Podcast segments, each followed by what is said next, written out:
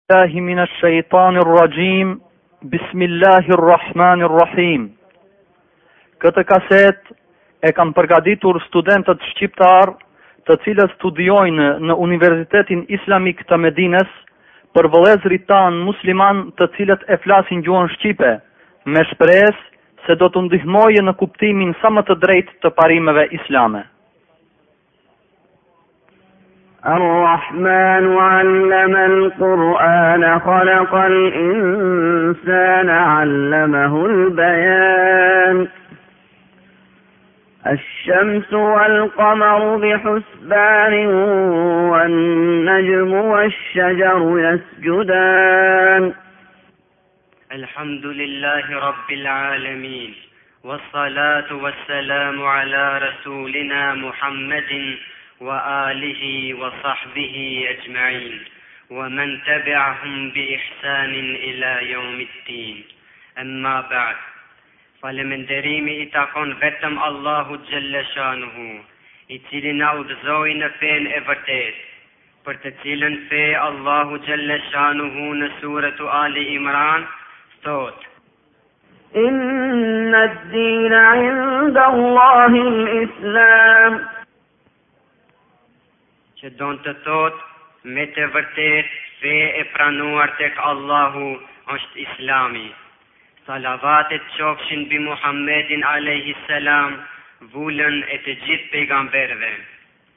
Vëllezër të dashur, do t'ju flasim disa fjalë rreth Islamit dhe shtyllave të tij.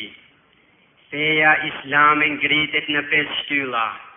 Këtë më së miri e shohim nga hadithi i Pejgamberit alejhi selam, ku thotë,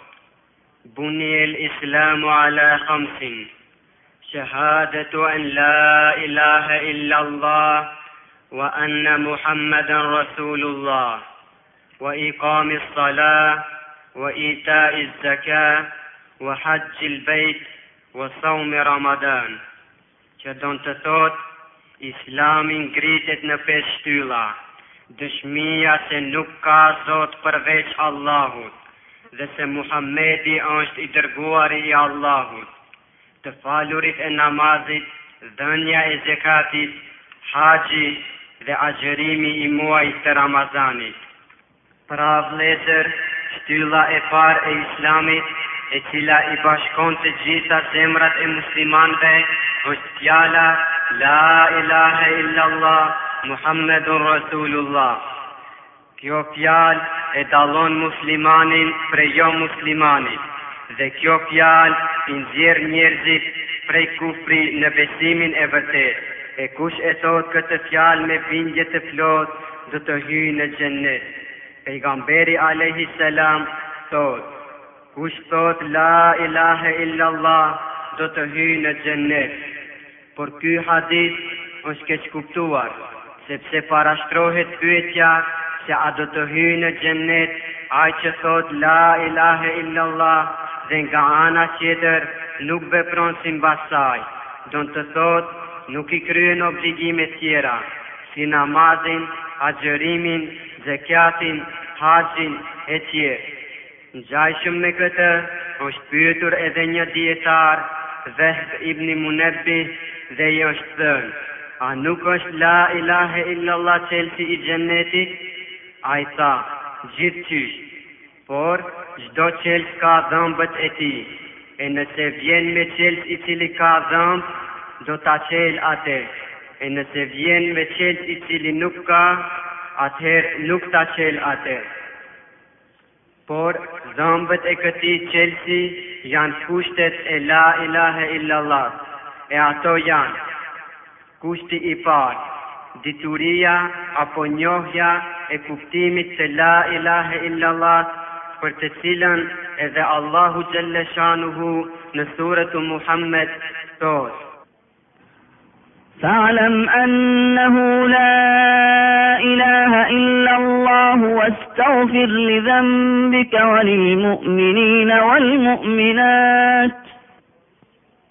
Që don të thotë, Dije se nuk ka zot tjetër pos Allahut. E kjo domethënë se ata të cilët e shqiptojnë shahadetin duhet ta dinë zemrat e tyre se çka flasin gjuhët e tyre, sepse sikur ta thotë shahadetin e nga ana tjetër nuk e dinë kuptimin e tij dhe nuk e dinë se çka e kundërshton atë, ajo do të ishte Sikur ai i cili flet një gjuhë e nga ana tjetër nuk e kupton atë çka e flet. E për atë i cili e plotëson këtë kusht, Pejgamberi alejhi selam në hadithin të cilin e transmeton Uthmani, Allahu qoftë i kënaqur me të, thotë,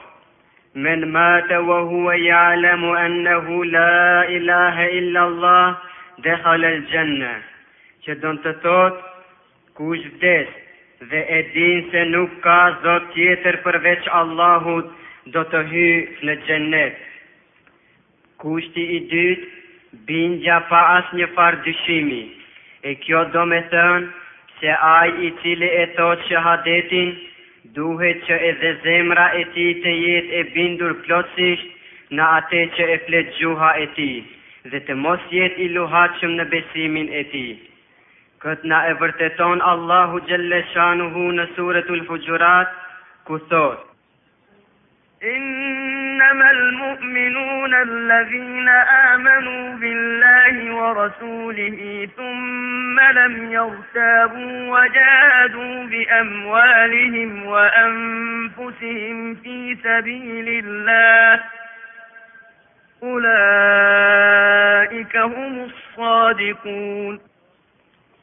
Që don të thotë, besimtarët janë vetëm ata që i besuan Allahut, të dërguarit të Tij, e mandje nuk dyshuan dhe për hir të Allahut luftuan me pasurinë dhe me jetën e tyre, të tillët janë ata të vërtetit. Kurse Pejgamberi alejhi selam në hadithin që e transmeton Ebi Hurejreja në lidhje me këtë thotë, Cilin ta takosh mbas këtij muri e ai dëshmon bindshëm nga zemra e tij se nuk ka zot përveç Allahut përgëzoje ate me xhennet. Kurtubiu thotë, Nuk do të mjaftonte shqiptimi i shahadetit vetëm me gojë, por patjetër edhe bindja me zemër. Kushti i tretë, pranimi i përmbajtjes së kësaj fjale me zemër dhe me gjuhë. E Allahu xhelle shanuhu na tregon dhe na lajmëron se do të jenë të shpëtuar ata të cilët e pranojnë shahadetin me gjithë zemër, kurse do të jenë të dënuar ata të cilët e refuzojnë dhe nuk e pranojnë ate. Allahu xhelle shanuhu në Suretu Junus,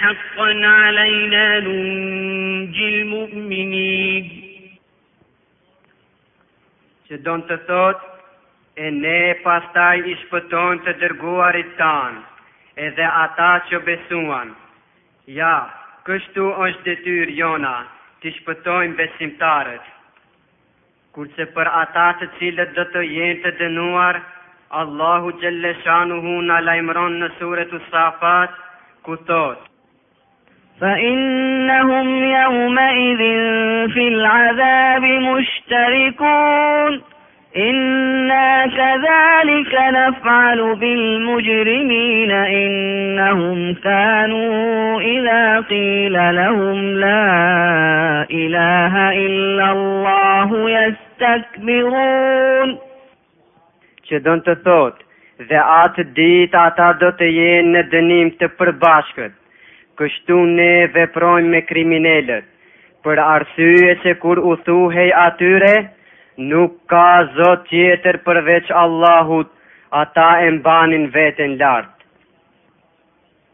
Kushti i katërt, Nënshtrim i plotë fjalës La ilahe illallah, Që don të thotë se muslimani e ka për obligim t'i nënshtrohet vetëm Allahut xhelle shanuhu dhe vetëm Atij t'i përulet dhe t'i dorëzohet, duke vepruar punë të mira e vetëm atëherë është kapur për lidhjen më të sigurt.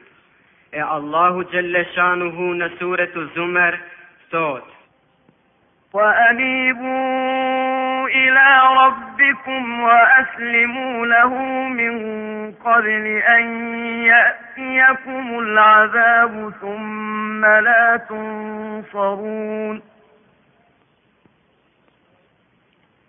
Që don të thotë, Dhe kthehuni te Zoti juaj dhe përuljuni Atij, para se t'ju vijë dënimi, se pastaj nuk do të ketë kush t'ju shpëtojë.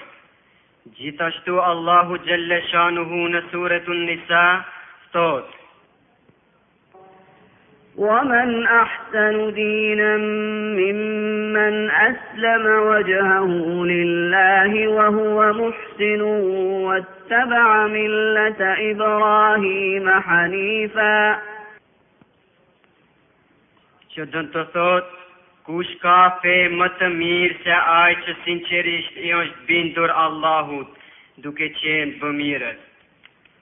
Kushti i pestë, Sinqeriteti e kundërta e gënjeshtrës. E kjo do me thënë që njeriu ta shqiptojë shahadetin sinqerisht nga zemra e tij, e jo ta thotë ate vetëm për ta ndëgjuar populli se është musliman. E këtë do ta vërtetonte puna e tij, siç thotë Ibnul Kajimi, Besimi në La ilahe illallah do të ishte i plotë sikur t'i kryej muslimani të gjitha obligimet e Islamit për të cilat është urdhëruar dhe t'u largohet të gjitha ndalesave që ia ka ndaluar Allahu xhelleshanuhu.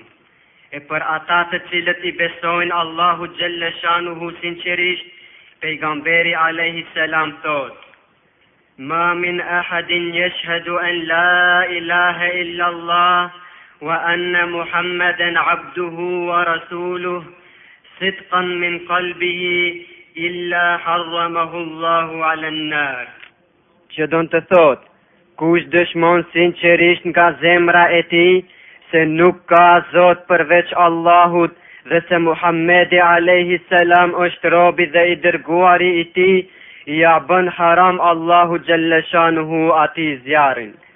Por ata të cilët mundohen ta mashtrojnë vetveten dhe e shqiptojnë shahadetin vetëm me gjuhë dhe pastaj e ndjekin shejtanin dhe nuk i kryejnë obligimet, veçka rren puna e tyre, fjalët e tyre. Kurse Allahu xhelle shanuhu për të tillët në Suretul Ankebut thotë.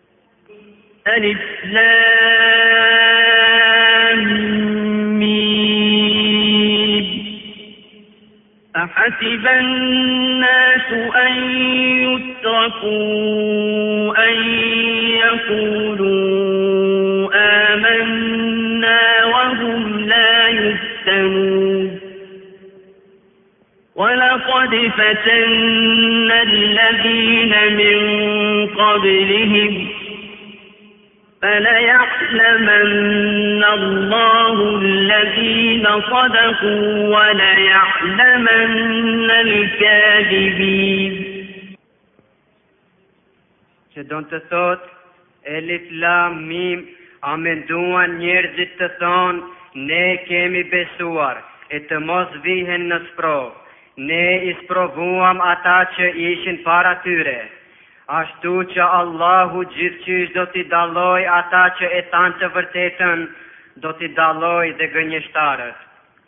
Kushti i gjashtë, Qëllimi i pastër.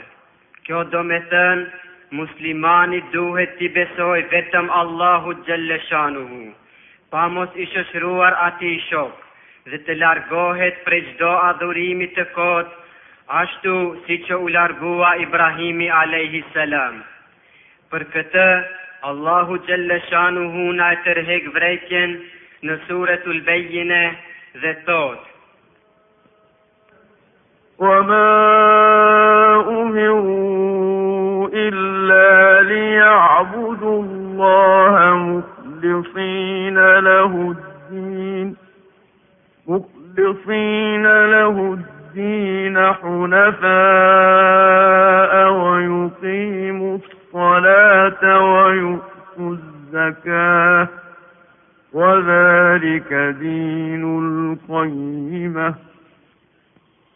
që don të thotë, e duke qenë se ata nuk ishin të urdhëruar me tjetër, pos që ta adhuronin Allahun me një adhurim të sinqertë ndaj Tij, që të largohen prej çdo besimi të kotë, ta falin namazin, të japin zekatin, dhe ajo është feja e drejtë. Domethënë, nëse qëllimi i tij është i pastër, atëherë duhet edhe puna e tij të tregojë në praktikë, sepse nuk do të mjaftonte vetëm qëllimi i pastër.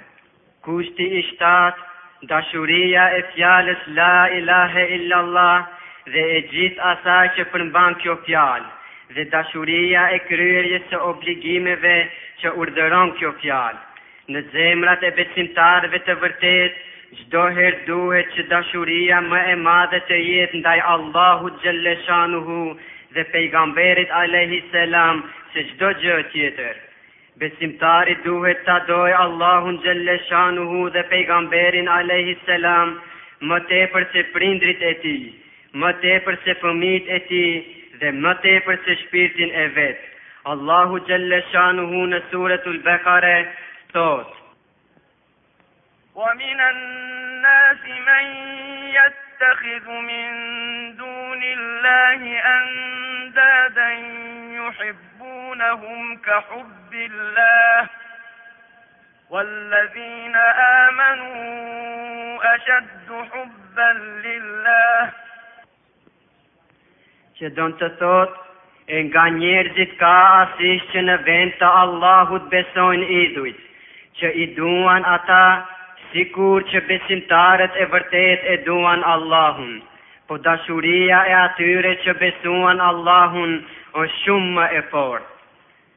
Kurse Pejgamberi alejhi selam në hadithin e vërtetë thotë, Tri gjëra nëse gjenden te personi e ka shijuar ëmbëlsinë e besimit, Të dojë Allahun dhe Pejgamberin e Tij më tepër se çdo gjë, Ta dojë dikë nga njerëzit vetëm në emër të Allahut xhelleshanuhu. Dhe të urrejë të kthehet në kufër pasi që e ka shpëtuar Allahu xhelle shanuhu ashtu si që urren të gjuhet në zjarr. E lus Allahun xhelle shanuhu që fjala e fundit e cila do të dalë prej gojave tona dhe prej gojave të gjithë besimtarëve të jetë fjala La ilahe illallah Muhammedun Rasulullah.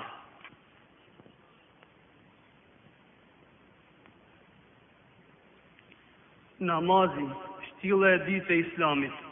Me namaz zemra dëshmon se vërtet ka besuar, prandaj edhe përkulet tek Allahu xhelle shanuhu, zbaton urdhrat e Tij me gjymtyrë e trup, me çka edhe shprehet se ai është tërësisht musliman, me zemër, trup etj.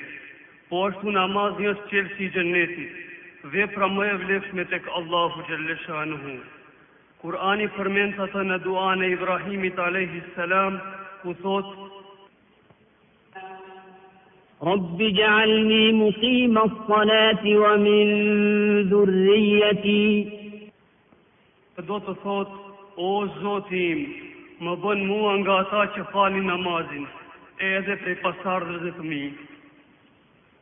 Lukmani alejhi selam çfarë e porositi djalin e tij? A thua e porositi që të bëhet i pasur, të bëjë fesad në tokë? Jo, por ai e porositi duke i thënë,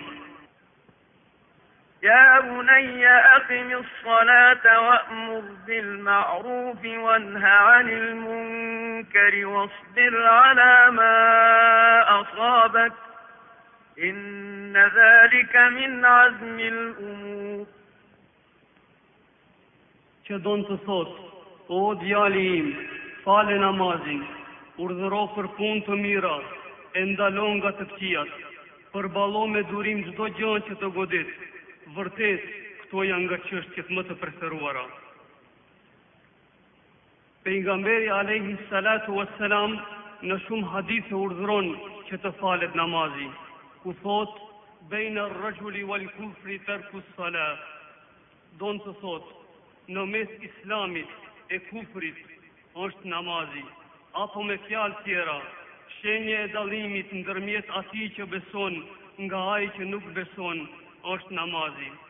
Pejgamberi alejhi selatu ue selam thotë, Men hafadha alejha kanat lehu nuran ue burhanen ue nejaten joumel kijameti.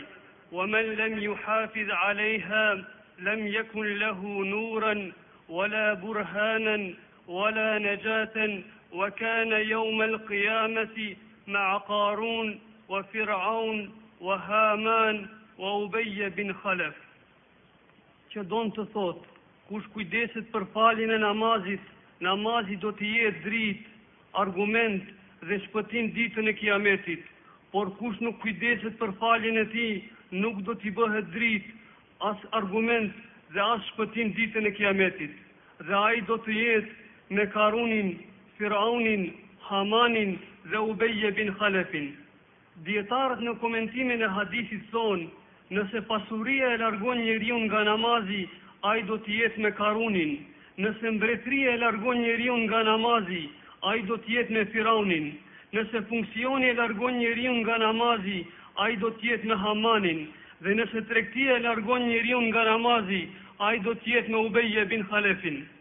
Pra, vëllezër të ndershëm, mos lakmoni këtë dunja dhe begatitë e saj të rrejshme, siç janë pasuria, mbretëria, funksioni dhe tregtia, se ato të çojnë në humbje, në shkatrim dhe në fund vendbanimi i tij i përhershëm është xhehennemi.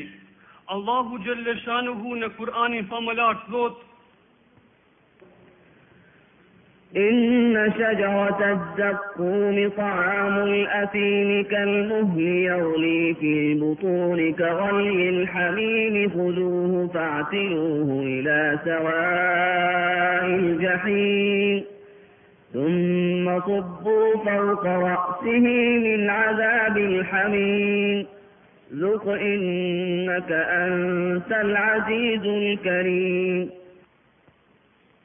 Që do të thotë, është e vërtetë se pema e zekumit do të jetë ushqim i mëkatarit. Vlon si katrani në barqet, ashtu siç vlon uji i valë. U thuhet engjëjve për mëkatarin, Rrëmbene e hudhne në mes të xhehennemit dhe hudhni mbi kokën e tij ujin e valë, e shtonja mundimin. I thuhet, Shijoje, se ti je ai i forti, i autoritetshmi. Po ashtu, vepra e parë për të cilën do të pyetna Ditën e Kijametit është namazi, ditë, kur njeriu ikën prej vëllait të vet, prej nënës dhe babait të vet, prej gruas dhe prej fëmijëve të vet. Pejgamberi alejhi salatu ue selam thotë, Ewwalu ma yuhasabu bihil abdu yawm el-qiyamati as-salah.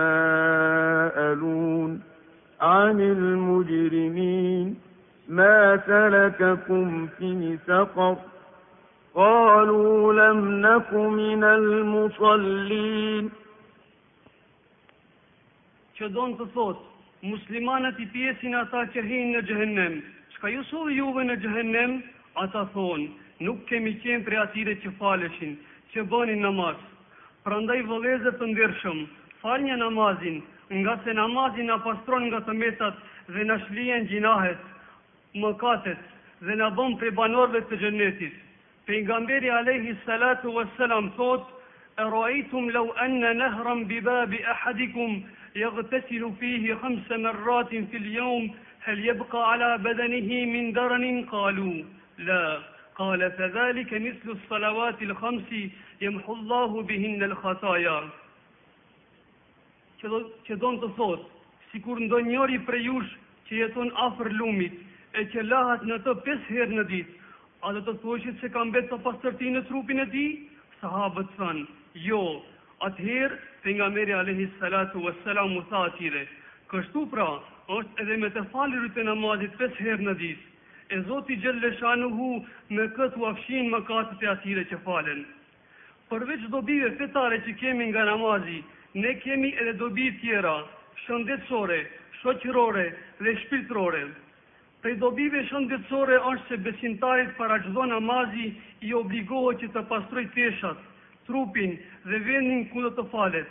Islami pastërtinë e konsideron si pjesë e imanit, ku Pejgamberi alejhi salatu ve selam thotë, At-tuhuru shatrul iman, Pastërtia është pjesë e imanit. Po ashtu Pejgamberi alejhi selatu ue selam thotë, Innallahe tajjibun juhibbut tajjibe, nadhifun juhibbun nadhafe.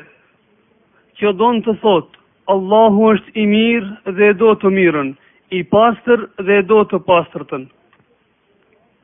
Transmetohet se Hasani, nipi i Pejgamberit alejhi selatu ue selam, kur pregaditej për namaz, i veshte petkat më të bukura. Shokët i pyesin për këtë. Ai u përgjigjet, Allahu është i bukur dhe don të bukurën, prandaj edhe unë dëshiroj të jem i bukur para Allahut xhelleshanuhu. Allahu xhelleshanuhu porosit besimtarët që të veshin petkat më të mira për namaz, ku thotë.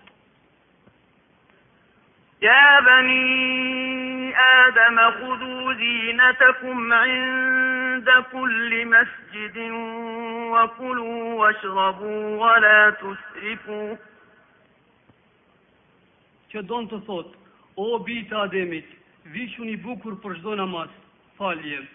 Prej dobive nga pikëpamja shoqërore, namazi na mëson se si me rregulluar jetën, me planifikuar punët e ditës dhe kohët e saja, me jetuar bashkarisht me njerëzit e mirë, me bashkëpunuar me ta për të mirë, me i vlerësuar realisht të tjerët dhe me respektuar përherë rregullin. Namazi poashtu na mëson edhe për mbajtjen e fjalës, apo premtimin e dhanë, meqë namazi falet në kohë të caktuara e kështu duke respektuar kohën i rin besnik edhe fjalës. Poashtu duhet cekur edhe dobitë shpirtërore në namaz. Besimtari në namaz me gjithë qenien e tij lidhet në lidhje direkte me Krijuesin e tij, i cili në atë moment gjen fuqinë shpirtërore në kulminacion,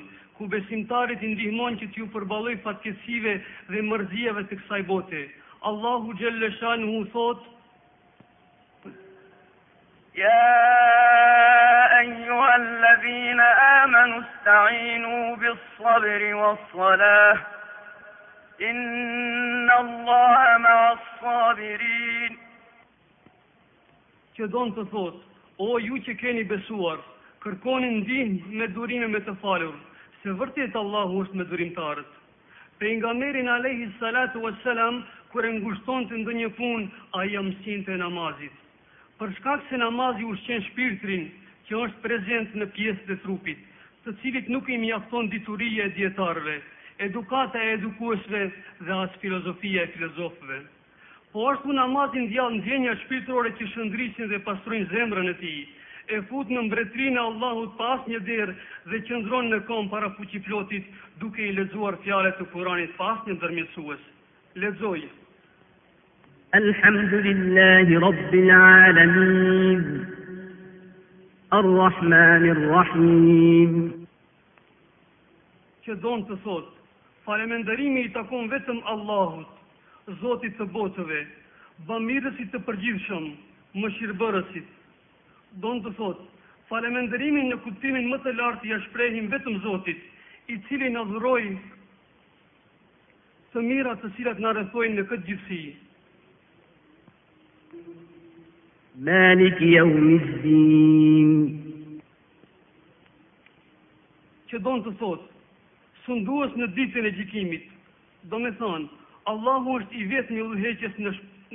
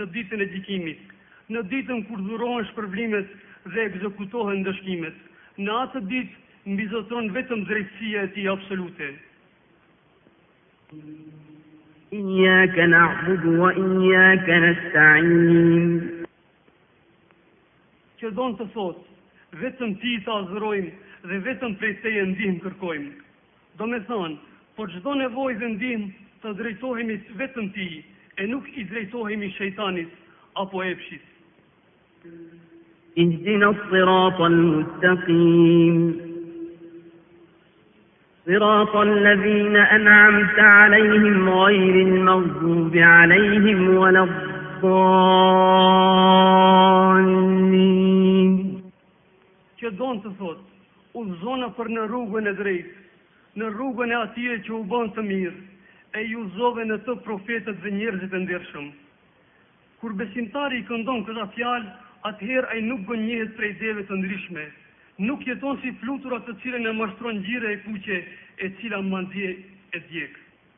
Por besimtari jeton si shkëmbi, i fortë, ndjek rrugën e Muhammed Mustafasë,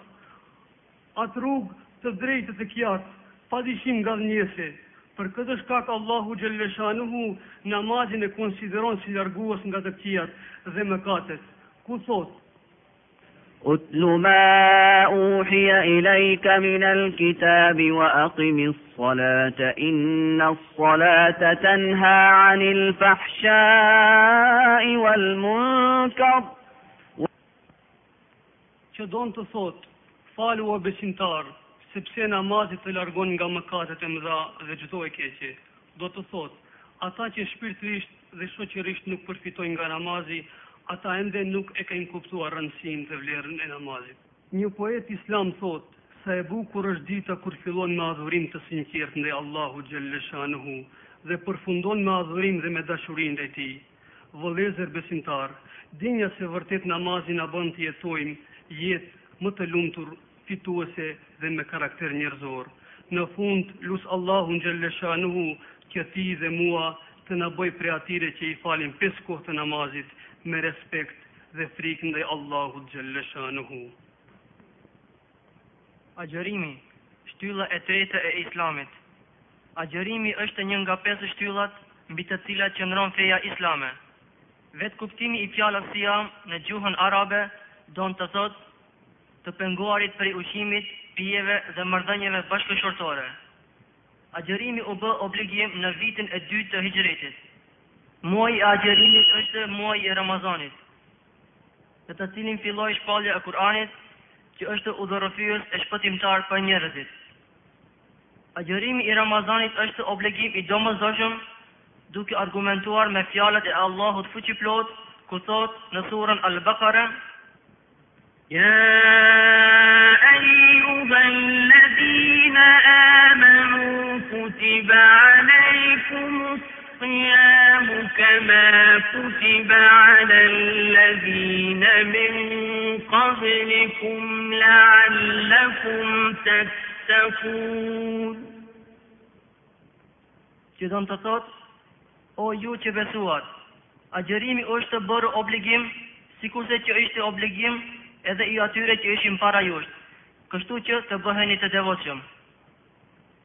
Është i obliguar të agjërojë çdo musliman i moshës madhore, qoftë mashkull ose femër, plak apo i ri, mentalisht i shëndoshë. Agjërimi ishte rregull edhe më herët te popujt para nesh, por jo në këtë trajtë, as në këtë mënyrë e as me këtë qëllim. Agjërimi në fenë islame ka për qëllim lartësimin shpirtëror, edukimin moral, përgatitjen e njeriut që t'i mbizotërojë emocionet e epshet dhe të bëhet i pavarur prej tyre.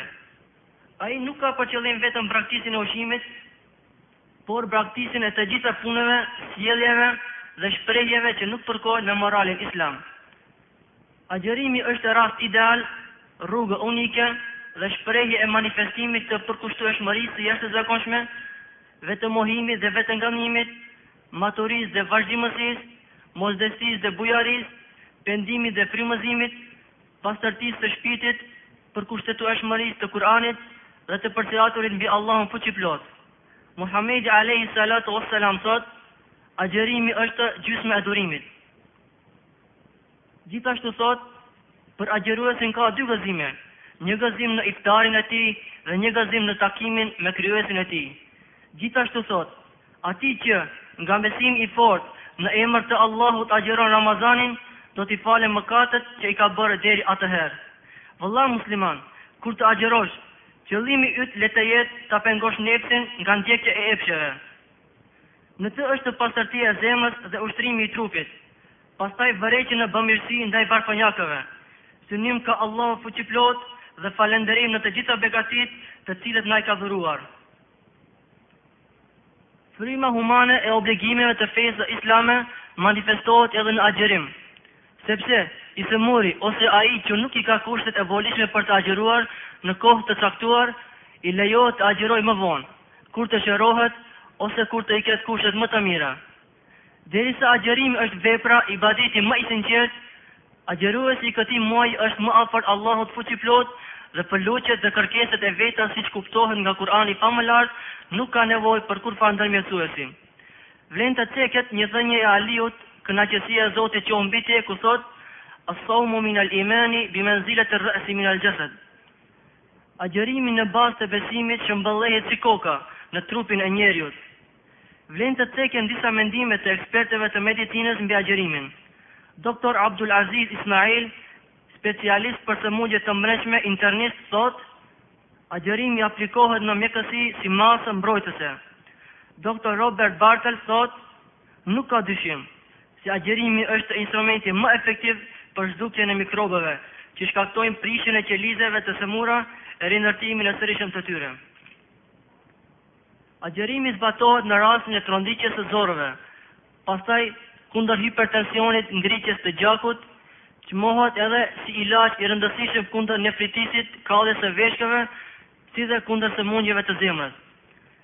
E, Doktor Muhamed Zavahiri, specialist për sëmundjet e lëkurës, thotë, Dhuntia e Ramazanit me dobinë e vet përfshin shumë sëmundje, si dhe ato të lëkurës, ku me anë të agjërimit përmirësohen dukshëm. Pra, vëlla musliman, Porosia jonë është që kur të gjendesh në muajin e Ramazanit të e agjërosh me bindje të plotë, duke iu nënshtruar plotësisht Allahut Fuqiplot, ashtu siç të urdhëron Kur'ani fisnik, e ti të dalësh prej këtij muaji i pastër dhe me mëkate të falura, e asesi mos i harro të afërmit e tu të mos i nxitish në këtë obligim të shenjtë. Sa e bukur na bëhet jeta kur gjendemi në rrugën e kënaqësisë së Allahut fuqiplot, duke e zbatuar fenë që na e dhuroi përmes Muhamedit alejhi selam, mëshirë për njerëzinë. Muhamedi, paqja dhe shpëtimi i Zotit qoftë mbi te, ka thënë, Unë, me të vërtetë jam vetëm mëshirë e plotë. Zeqati, shtylla e katërt e Islamit. Zeqati është njëra nga pesë shtyllat mbi të cilat ngritet Islami, ku bashkë me besimin në Allahun dhe Muhamedin alejhi selam si i dërguari i Tij, e vërteton njeriu përkatësinë islame. Allahu xheleshanuhu në Kur'anin Famëlartë thotë.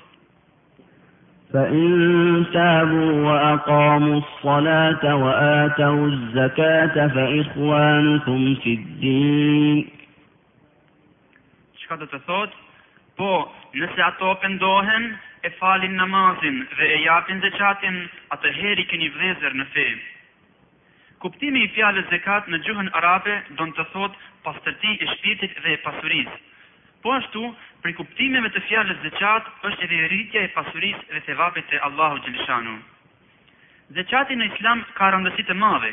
Kjo shihet nga tre fakte. E para, Allahu xheleshanu e përmend zeqatin në më se shtatëdhjetë vende. Bile, në disa ajete dhënia e pasurisë përmendet para të tjerëve. Allahu xheleshanuhu thotë,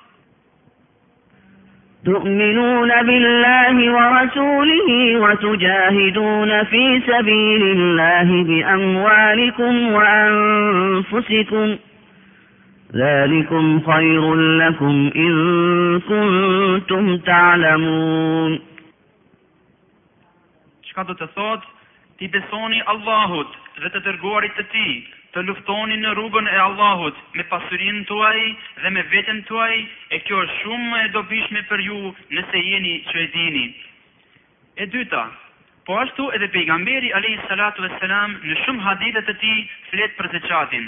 Buhariu transmeton prej Ebu Hurejres radiallahu anhu se një njeri i erdh pejgamberit alejhi selam dhe i tha, tregon për një punë e cila do të më çohet në xhennet. Pejgamberi alejhi salatu ve selam i tha, T'i besojsh Allahut dhe mos i bëjsh shok atij, t'i falish namazet, të japish zeqatin dhe të agjërosh Ramazanin. Prej këtij hadithi shifet se një prej punëve të cilat të çon në xhenet është edhe dhënia e zeqatit. E treta, po ashtu vlera e zeqatit shihet nga qëndrimi i sahabëve, Pas vdekjes së Pejgamberit alejhi selam, disa fise arabe nuk e dhanë zeqatin. Për një gjë të tillë, Ebu Bekri radijallahu anhu vendosi t'i luftojë. Disa sahabe nuk u pajtuan, por Ebu Bekri ua shpjegoi duke u thënë, Do ta luftoj çdo kënd i cili bën dallim në mes namazit dhe zeqatit. Duhet zeqati të ipet me bindje të thellë se Allahu xheleshanuhu ia shton pasurinë në këtë botë, ia pastron zemrën nga kopracia dhe e shpërblen në botën tjetër. Zeqati përveç të mirave individuale ka edhe të mira shoqërore, i lidh zemrat të pasurve me ato të varfërve dhe e forcon dashurinë në mes njerëzve, qofshin të pasur ose të varfër, kjo është edhe qëllimi kryesor i fesë islame. Allahu xheleshanuhu në Kuranin famëlartë thotë.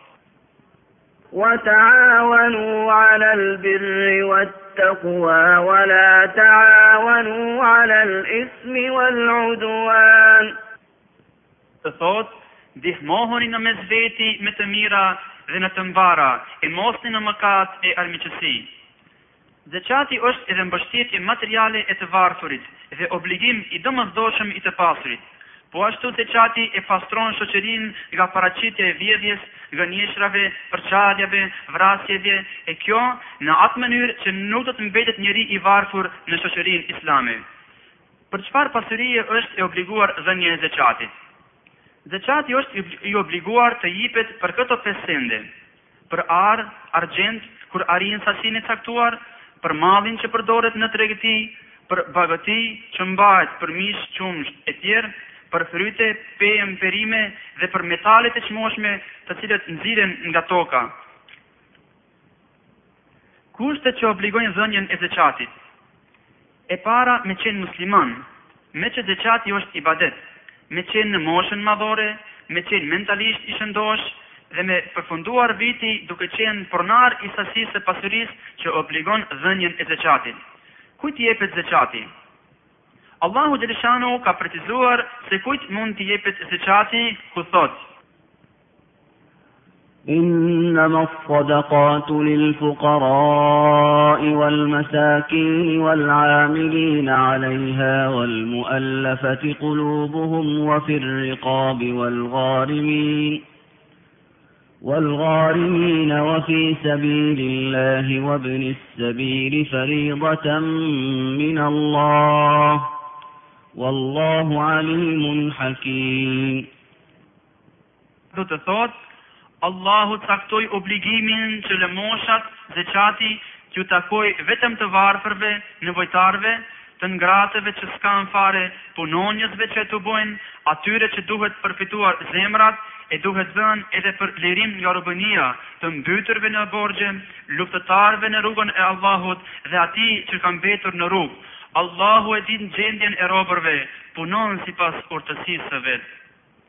Gjithashtu, është mirë me ua dhanë familjeve të ndershme nevojtare, posaçërisht të atyre të cilat u përmbahen principeve islame, për shkak se njeriu jo fetar mund ta keqpërdorë zeqatin duke e keqpërdorë dhe harxhuar në vende të ndaluara. Zeqati nuk i jepet jobesimtarit. As prindi nuk mund t'ia jep fëmijëve të vet, po ashtu as fëmija nuk mund t'ia jep prindërve të vet, meqë janë të obliguar për kujdesimin e tyre. Këtu duhet të kemi kujdes në një çështje mjaft me rëndësi, e ajo është se sa popullata muslimane e vendeve tona e japin zeqatin, Dihet mirë se motrat tona muslimane posedojnë një sasi të madhe të arit, për të cilën janë të obliguara të japin zeqatin. Ky obligim bie mbi vetë ato.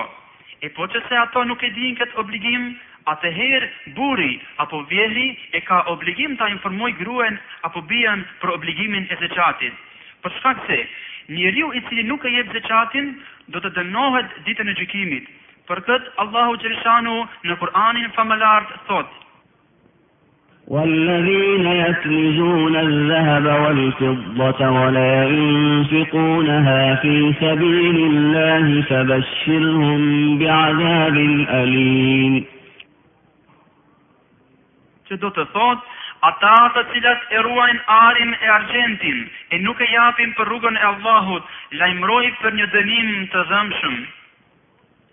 Po ashtu edhe Pejgamberi alejhi selam na tërheq vërejtjen për dënimin e atij që s'e jep zeqatin, duke thënë, Kujt i jep Allahu pasuri e nuk e jep zeqatin, do t'i bëhet Ditën e Gjykimit si një gjarpër i madh, i cili ka mbi sy dy pika të zeza, i cili do ta mbështjellë këtë njeri, do ta kapë me nofullat e tij dhe do t'i thotë, Unë jam pasuria yte. Për atë pra, vëllezër të ndershëm, duhet të kemi kujdes dhe mos lejojmë që pasuria jonë të na bëhet armiku jonë ditën e gjykimit. Dhe e përfundojmë, se sikur të aplikohej në tërësi ky institucion dhe gjithë muslimanët ta kryejnë këtë obligim, nuk do të mesin në shoqërinë islame njerëz të varfër. Në fund, e lus Allahun xheleshanu të na boje prej atyre që e japin zeqatin dhe ashtu në atë mënyrë e pastrojmë pasurinë tonë nga harami dhe dalim përpara Allahut fuqiplotë me shpirt të pastër. O Zot, mos na ban prej atyre që pasuria të na bohet armiku jonë dhe shkaku që të digjemi në xhehennem.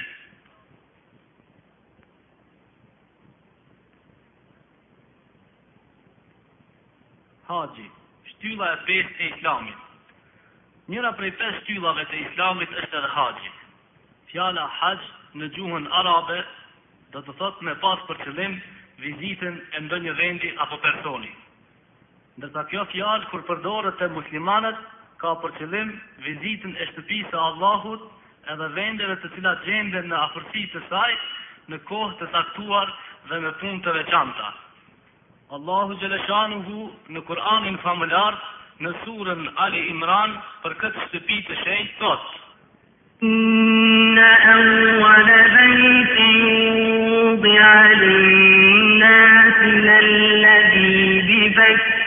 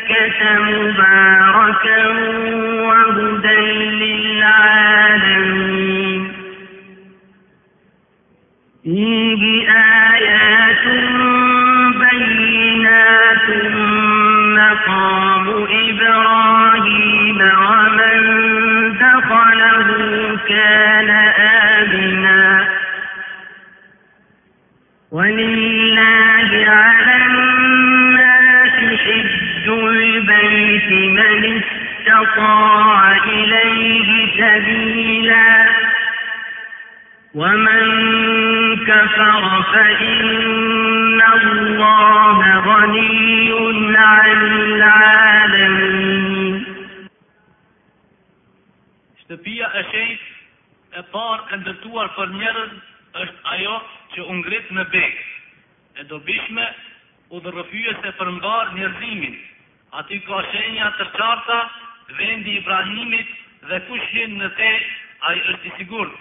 Për hir të Allahut vizita e shtëpisë është obligim për atë që ka mundësi udhëtimi te ajo. E kush nuk e beson Allahu nuk është i nevojshëm për njerëzit. Këtë ajet Haxhi Sherif Ahmeti e komenton me fjalët që vijojnë. E para faltore në fytyrën e tokës u ndërtua për njerëz. Është qabja. Ibrahimi alejhi selam ngriti themelet e saja, derisa thuhet për njerëz, e njerëz pati edhe para Ibrahimit alejhi selam, atëherë ky vetëm i vazhdoi themelet e saj.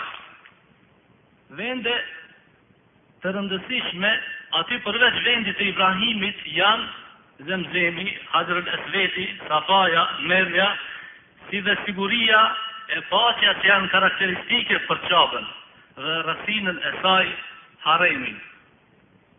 Beke, ndoshta është quajtur vetë vendi i Qabës, e Meke qyteti, ose anasjelltas.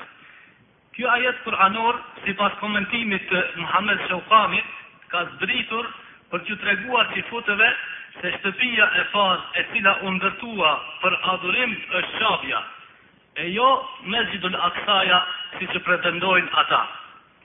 Po ashtu, me këtë ajet, Allahu xheleshanuhu ia bën fardh, obligim të domosdoshëm Muhamedit alejhi selam dhe ummetit të tij, vizitën e kësaj shtëpie të shenjtë në kohë të caktuar me punë të veçanta. Transmetohet nga Ibni Abasi radijallahu anhuma se Muhamedi alejhi selam ka thënë, Shpejtoni në kryerjen e haxhit, sepse asnjëri prej jush nuk e din se çka do t'i ndodhë në të ardhmen.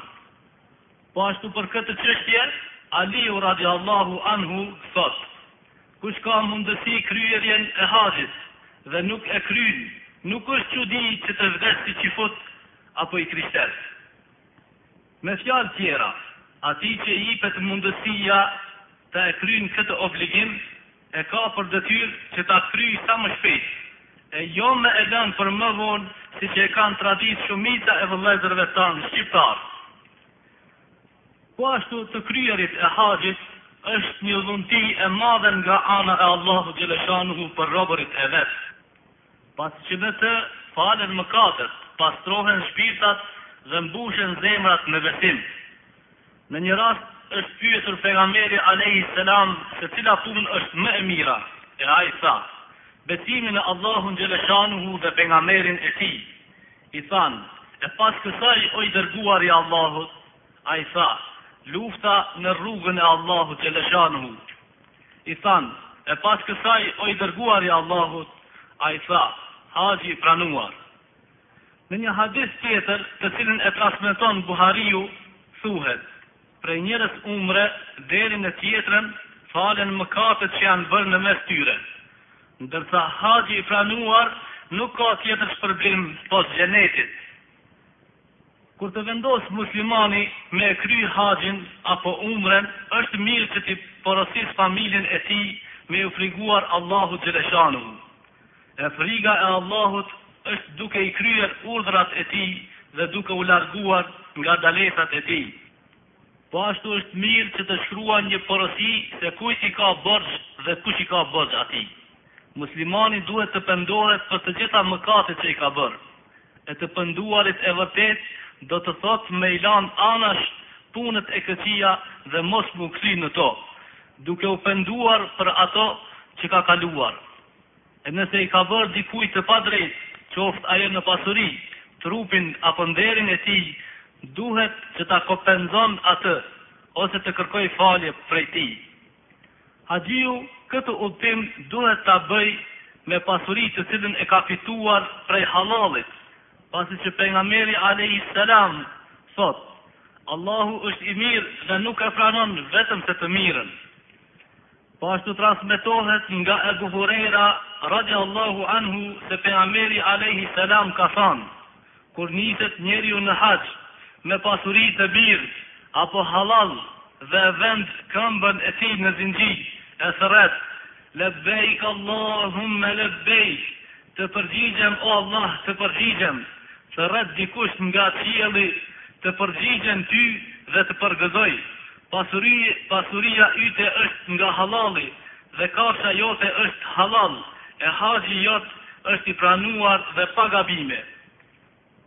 E kur të niset njeriu me pasuri të keqe apo haram dhe e vend këmbën në zengji dhe thret, Lebejk Allahumme lebejk, Të përgjigjem o Allah, të përgjigjem, thret dikush nga qielli, Nuk të përgjigjem dhe nuk të përgëzoj, Pasuria yte është haram dhe kafsha yte është haram e haxhi yt është i papranuar.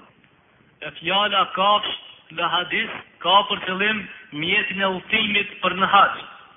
Po ashtu është me rëndësi për haxhiun që haxhin apo umrën e tij ta bën vetëm për hir të Allahut dhe të ketë për qëllim që me haxhin e tij t'i afrohet Allahut xheleshanuhu duke punuar punë të mira dhe duke folë fjalë të urta në ato vende të bekuara.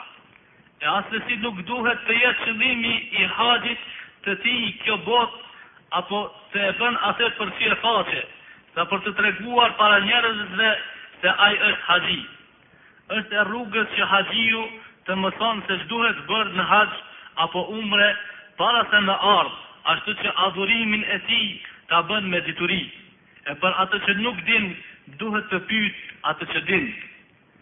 Pra, dije vëlla i dashur se haxhi është bërë farz në vitin e nëntë të Hixhretit, edhe atë, me urdhër nga ana e Allahut xheleshanuhu ku thotë, Walillahi alen nasi hijjul bejti men istata'a ilejhi sebila, Për hir të Allahut, vizita e shtëpisë së shenjtë është obligim për atë që ka mundësi udhëtimi te ajo. Pra, haxhi është obligim për besimtarin një herë në jetë, duke u bazuar në fjalët e Pejgamberit alejhi selam ku thotë, Me të vërtetë, Allahu e ka bërë obligim për ju haxhin, andaj kryeni haxhin. Në ato momente e pyeti Pejgamberin alejhi selam njëri prej ashabëve, A për çdo vit, o i Dërguari i Allahut? Ai u përgjegj, Sikur të thojsha po, do të bëhej obligim për çdo vit. Atëherë ju nuk do të mundeshit ta zbatoni atë. Vlla i dashur, dije se për të kry këtë obligim duhet me i plotësuar disa kushte. E para, duhet me qenë musliman, sepse çdo adhurim ka obligim nijetin. E dyta, duhet me qenë mentalisht i shëndoshë, pasi që i çmenduri nuk obligohet me asgjë. E treta, duhet me qenë i moshërritur, se fëmijët nuk obligohen me këtë adhurim para se të arrijnë moshën e pjekurisë.